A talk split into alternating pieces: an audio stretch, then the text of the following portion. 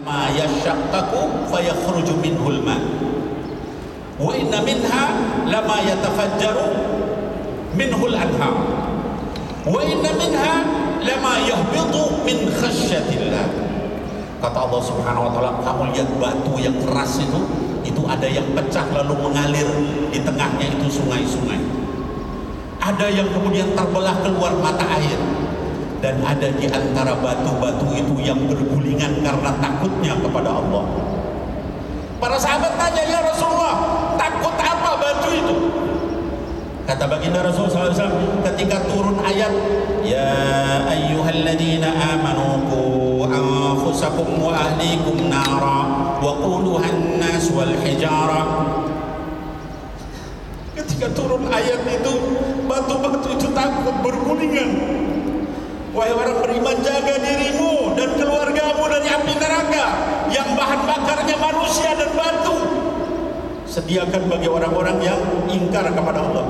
Ketika ayat itu turun batu-batu itu bergulingan, takut sama Allah karena mau dijadikan bahan bakar api neraka.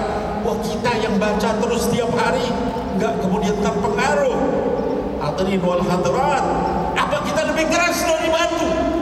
Naudzubillah, cuma naudzubillah jaga adab kita. Ketika kita baca Quran kita tahu ini luar biasa ya. Saya ingin sampaikan bagaimana pengaruh Quran itu kalau dibacakan kepada jin.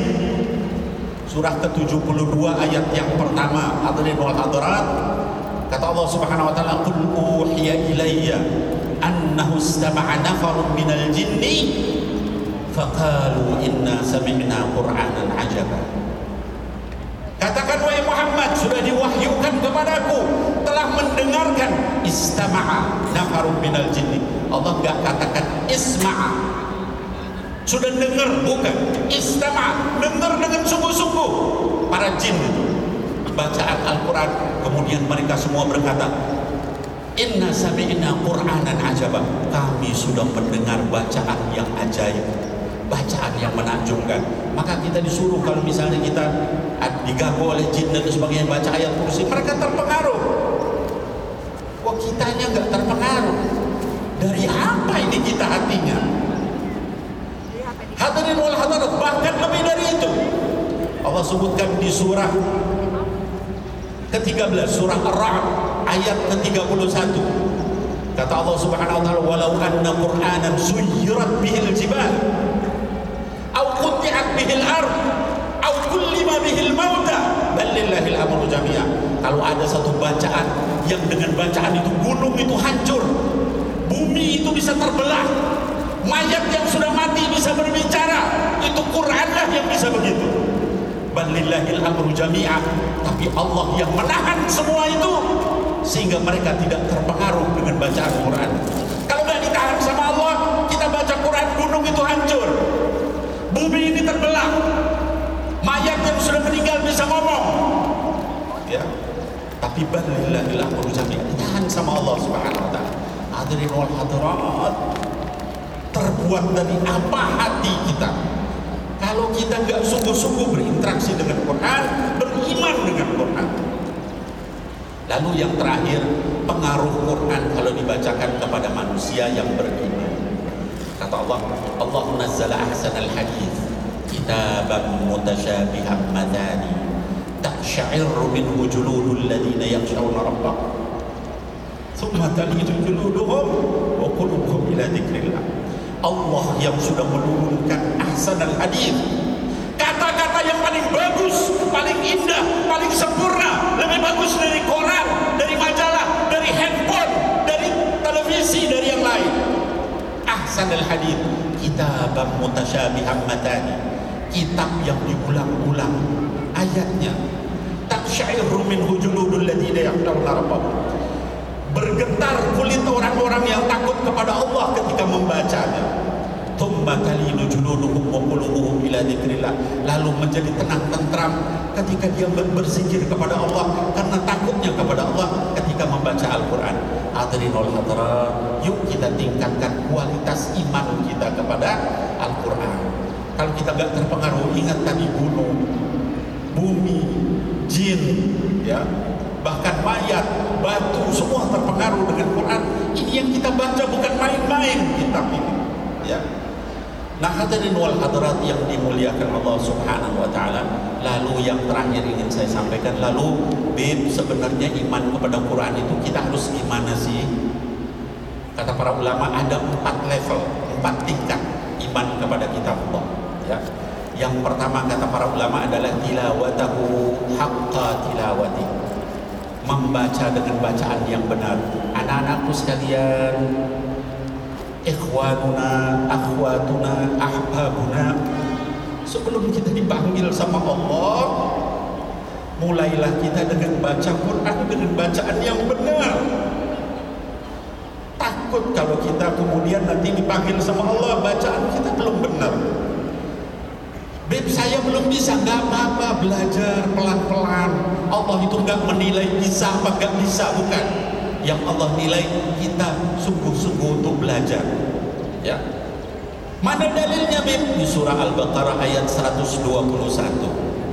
Kata Allah Subhanahu wa taala, "Alladzina atainahumul kitab yatlunahu haqqa tilawatih ulaika yu'minuna bih." Orang-orang yang sudah diberikan kitab sebelum kamu wahai Muhammad. Mereka membaca kitabnya itu dengan bacaan yang benar. Ulaika yu'minu nabi Orang yang baca dengan bacaan yang benar itu Yang benar imannya kepada Quran. Mafhum mukhalafahnya Kalau bacaan kita belum benar Belum benar imannya sama Quran. Ya jadi usahakan sungguh-sungguh belajar Hadirin wal hadirat saya ulangi Jangan kita putus asa Bib saya udah belajar nggak bisa nggak apa-apa Tapi terus belajar Ya Usahakan untuk bacaan kita itu benar Karena tadi dikatakan seperti itu. Bacaan benar itu tingkat pertama.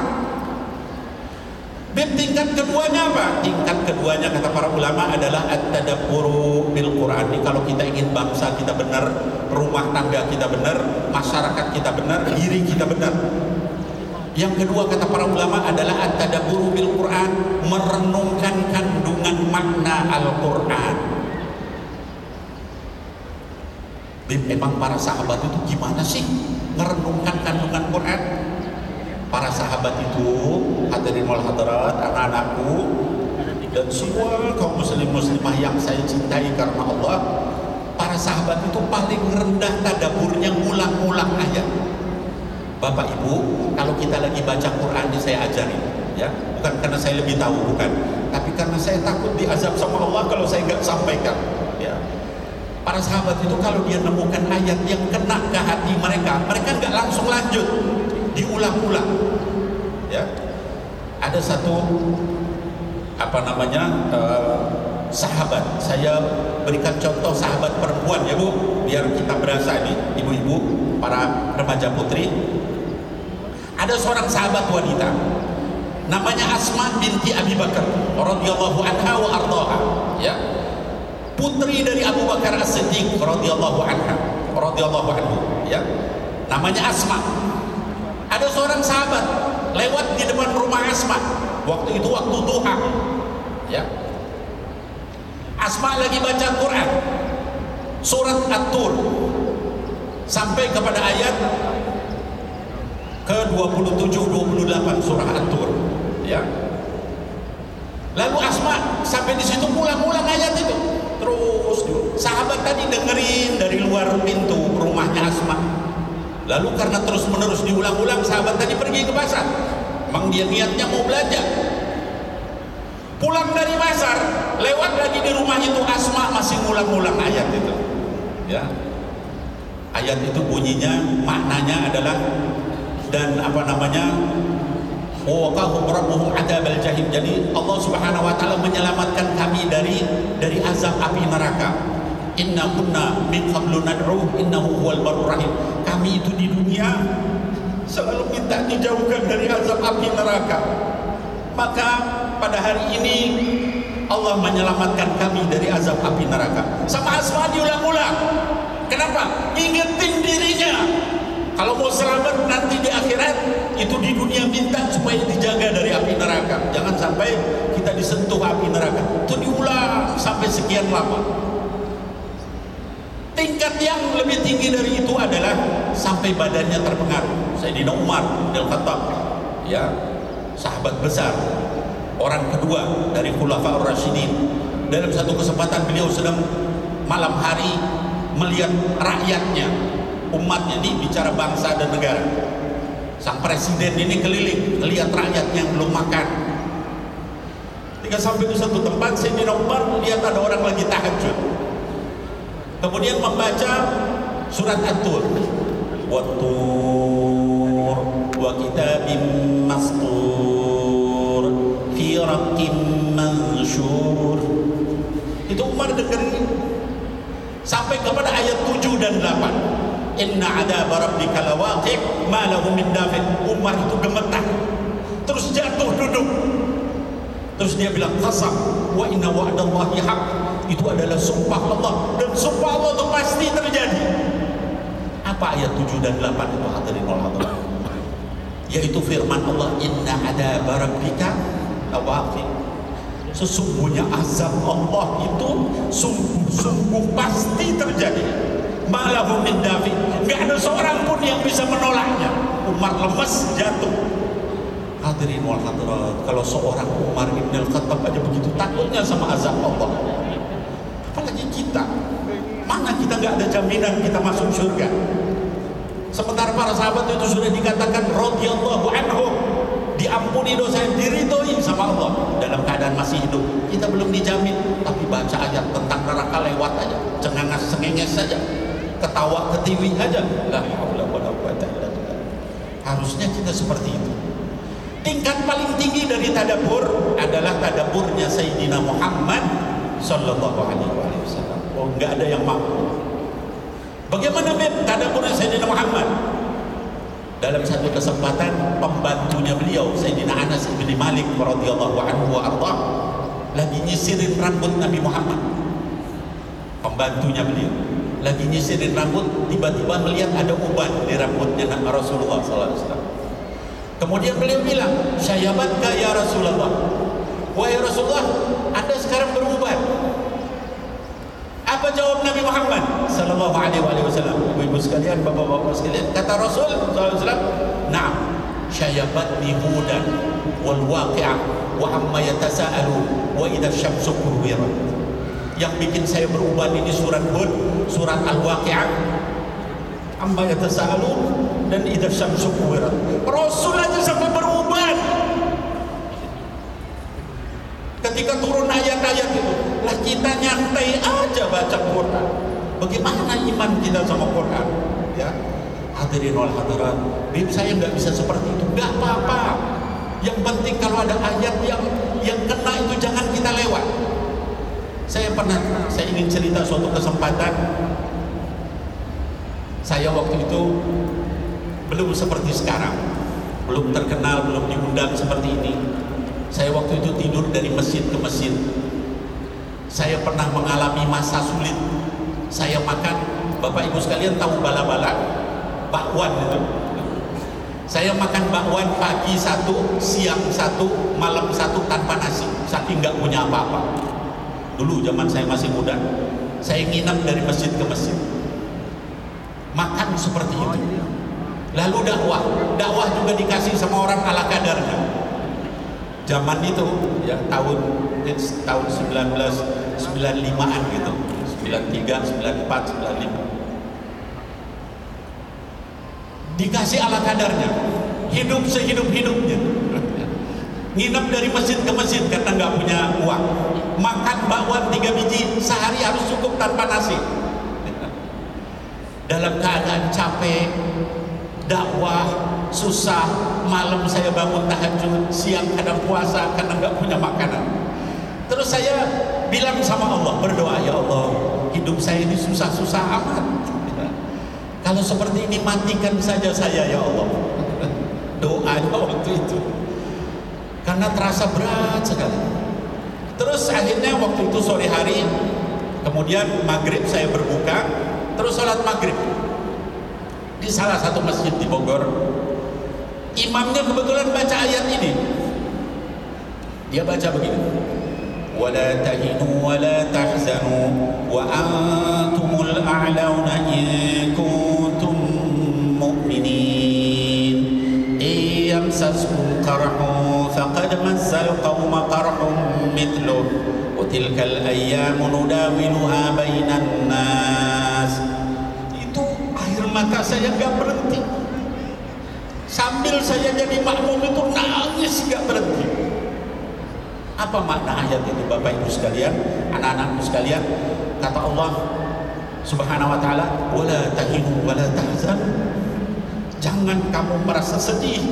Jangan kamu merasa hina. Wa antumul a'launa in kuntum mu'minin. Kamu itu yang paling tinggi nanti di akhirat kalau kamu benar beriman Iyam saskum karhun Kalau kamu sekarang ditimpa masalah Musibah, bencana, kemiskinan Kelaparan, gak punya duit. Maka orang-orang yang kafir itu juga ditimpa musibah juga seperti kamu. Tapi kamu berharap surga Mereka gak bisa masuk surga. Ketika mendengar ayat itu saya nangis Terus dalam hati saya. Saya bilang Roti itu ya Rabbi Saya ridho ya Allah saya ridho Seolah-olah ayat itu negur saya tapi kalau kita nggak ngerti bahasa Arab, gimana kita bisa paham? Nah, jadi Bapak Ibu sekalian, kalau kita belum bisa bahasa Arab, maka saya dulu dikasih tahu sama guru ngaji saya, kalau kita baca Quran itu satu halaman, itu nanti ada satu ayat yang kita baca terjemahannya. Ya. Lalu baru lewat halaman berikutnya satu ayat lagi terjemahnya baca. Supaya apa? Supaya kita punya kemampuan tadabur itu namanya tadabur. Tadabur itu merenungkan kandungan maknanya ya. jangan ayat lewat aja ya sampai habis. Bib saya 10 juz sehari. Baca Quran. Mayustafat minkum minhu. Ya, apa yang diambil dari situ? Nggak tahu Bib pokoknya enak aja. Jangan ya. Baca apa terjemahnya apa yang Allah inginkan dari saya Ya Allah saya ini cuma makhluk lemah Apa yang kau inginkan saya sampai nawatona Itu tadabur ya. Kemudian kata para ulama yang berikutnya adalah yang disebut dengan Al-iman bimuhkamihi wa mutasyabihi Jadi tadi derajat pertama apa? Ngetes saja di tidur apa enggak? Yang pertama apa tadi? Membaca dengan bacaan yang benar Yang kedua Merenungkan kandungannya yang ketiga, mengimani ayat Quran itu baik yang muhkamat, yang hukum maupun mutasyabihat, yang tidak jelas. Apa maksudnya, Bib? Maksudnya misalnya kalau di dalam Quran itu ada ayat tentang kewajiban kita menutup aurat. Jangan kemudian kita menolak ayat itu. Itu beriman. Itu derajat ketiga. Jangan kita pilah-pilah Quran. Ini yang sesuai dengan saya. Ini yang gak sesuai dengan saya. Kalau seperti itu kita tidak akan selamat. Nah yang terakhir kata para ulama adalah melaksanakan Quran dalam kehidupan kita. Hadirin wal hadirat yang dimuliakan Allah itulah empat derajat beriman kepada Al-Quran. Saya sebetulnya bisa memperpanjang tapi waktunya habis. Jadi yang pertama apa tadi? Membaca dengan bacaan benar. Yang kedua merenungkan kandungannya. Yang ketiga, beriman kepada seluruh ayatnya. Dan yang keempat, mengamalkan ayat itu dalam kehidupan. Mudah-mudahan ini semua bermanfaat. Hadirin wal hadirat, kupas-kupas buah manggis, puas tidak puas waktunya habis. Burung irian, burung cendrawasih, cukup sekian dan terima kasih. Billahi taufiq wal hidayah. Assalamualaikum warahmatullahi wabarakatuh.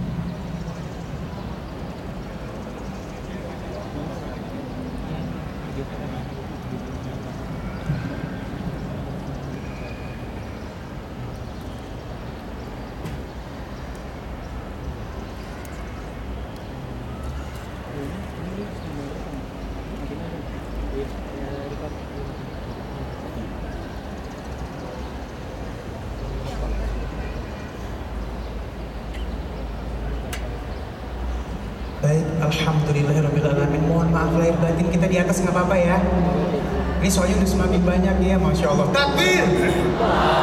Lebih semangat lagi, takbir! Yang di lantai dua ikutan yuk, takbir!